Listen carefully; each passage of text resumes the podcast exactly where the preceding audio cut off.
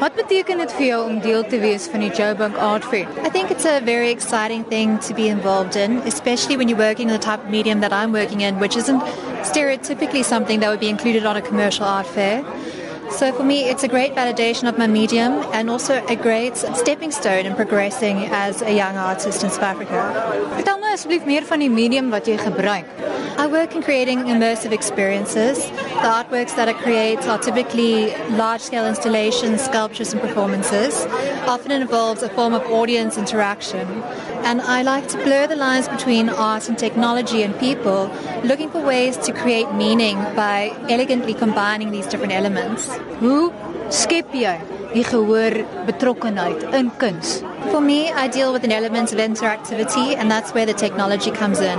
With growing globalization, you have a very disparate group of people who struggle con- to connect to each other because they're all so different and they're from such different places. But if you look at something like social media, we all seamlessly integrate through this common medium.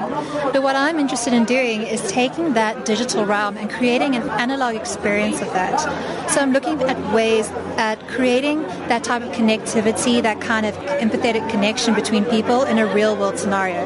Often that involves elements of touch, where a sculptural piece will respond to an audience, typically through sound. Vir die luisteraar by die huis wat nou nie jou kuns kan sien nie. My previous artwork was a project called Homing. This was a series of copper strings that were strung from floor to ceiling. It created a forest that you could walk through. But the interesting part was that you could touch one of these strings with your fingers, and just through a simple touch, it would sing a short song to you, a bit of a story, a bit of a memory from a place. And these could be very everyday sounds. But for some reason, when you connect with them in the environment of an art setting, they become very elevated memories and very emotional connections to people. And it creates a great kind of composition when multiple people are playing with this, this instrument at the same time.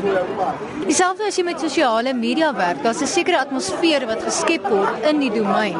Is dit wat jy probeer skep met jou werk?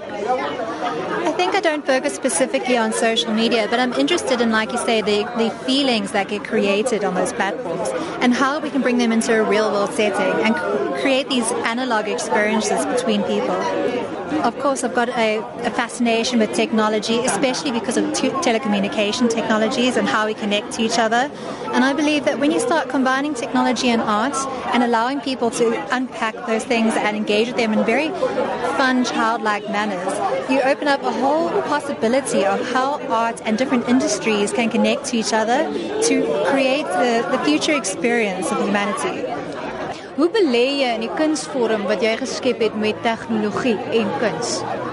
I think that's a very poignant question to be asking these days, and it's the kind of questions that we're facing on a daily basis. And for me, it's it's absolutely tantamount that you know people like myself and my gallery work really hard at educating buyers in how they can own artworks that engage with technologies. And if we don't start looking at how we can own these and preserve these, they they're going to run short of a platform. And it's very important that we look at how they, they are significant and how they can be owned and how they can be curated because they really are looking at the future. Kopiereg? I favor using things that are accessible, that any kind of person could get hold of, and reinventing these in new ways. And that's part of why I work like I work, is trying to inspire people to relook at the things around them and use them in new and wondrous ways. So en die idee van die algehele deler op die publieke domein is iets wat 'n uitdaging kan wees as kunstenaar. You know, that's often quite a fear amongst collectors and buyers. And I think what needs to be understood is something that Einstein's been preaching for years.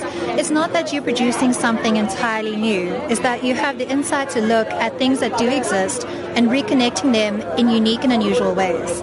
And good luck to the person who can keep up with that because you're always going to be ahead and you're always going to be creating. And it's a lot of hard work.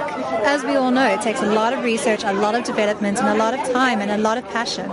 So, in terms of copyright and worrying about things infringing on anything or worrying about someone infringing upon me is not something I even concern about.